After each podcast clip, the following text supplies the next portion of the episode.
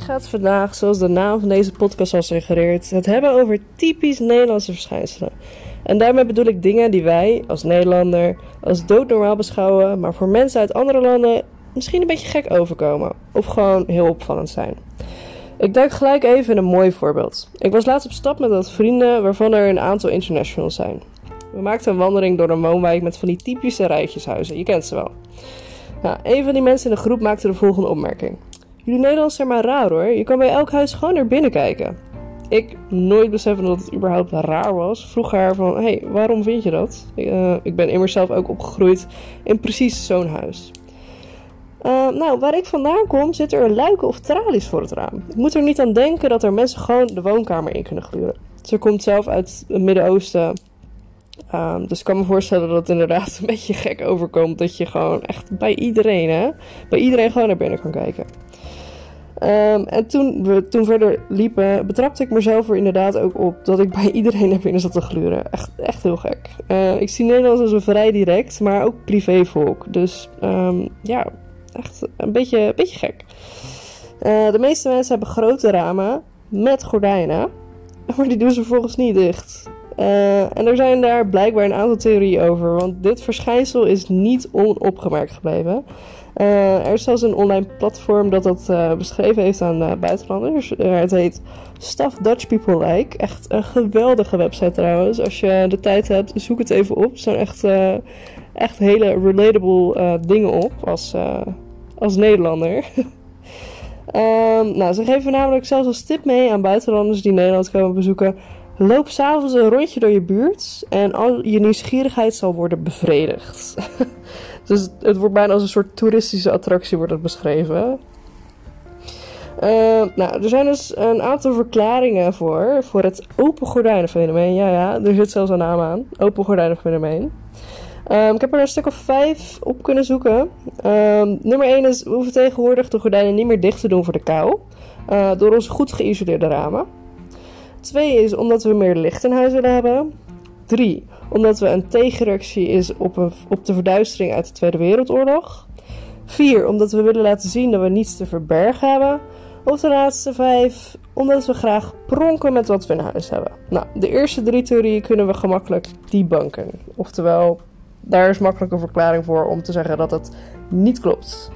Uh, de eerste is uh, voor de kou. Uh, nou, nog voordat het dubbelglas bestond, lieten we onze gordijnen openhangen. Blijkbaar is deze traditie al gaande sinds de 19e eeuw. Um, 300 jaar voordat dubbelglas uitgevonden is. Dus uh, nou, blijkbaar doen we het al een tijdje. Dus die klopt niet. Um, voor het lichtinval, nou, s'avonds is er vrij weinig lichtinval meer over. Dus uh, daar we het niet per se voor te doen. Uh, en nummer drie was een overblijfsel uit de oorlog. Nou, in de opdracht van de Duitsers moesten toen alle ramen worden verduisterd. Uh, er wordt wel gezegd dat na de bevrijding de mensen als tegenreactie hun huizen nooit meer wilden verduisteren. Maar deze verduisteringspolitiek trof alle bezette landen. Dus dan zouden we dit ook terug moeten zien in andere landen. En dat doen we niet. Het is echt alleen in Nederland een, uh, een fenomeen. Dus die klopt ook niet.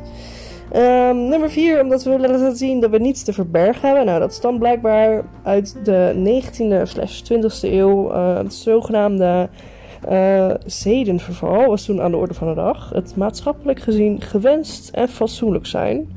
Dus je moest je gordijnen open houden zodat je kon laten zien aan mensen van... joh, ik ben een, een degelijk persoon en ik heb niks te verbergen. In de jaren 60 kwam daar een beetje een einde aan. Mensen die verzetten zich tegen die strenge wetten.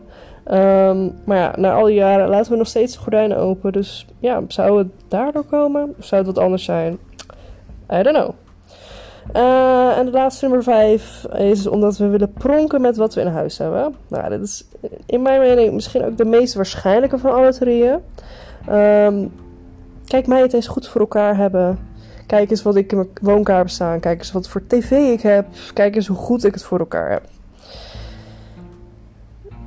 Um, er is iemand die dit daadwerkelijk onderzocht heeft in haar studie. Uh, namelijk Tera Wijzenbeek Othuis. Othuis. Uh, ze is docent economische en sociale geschiedenis aan de Universiteit van Amsterdam. En in haar studie, genaamd De sociale geschiedenis van het gordijn, ja ja, Het is echt een studie, echt geweldig. Uh, nou, ze concludeerden dus dat rond 1660 uh, de raamgordijnen doordrongen tot de Hollandse steden.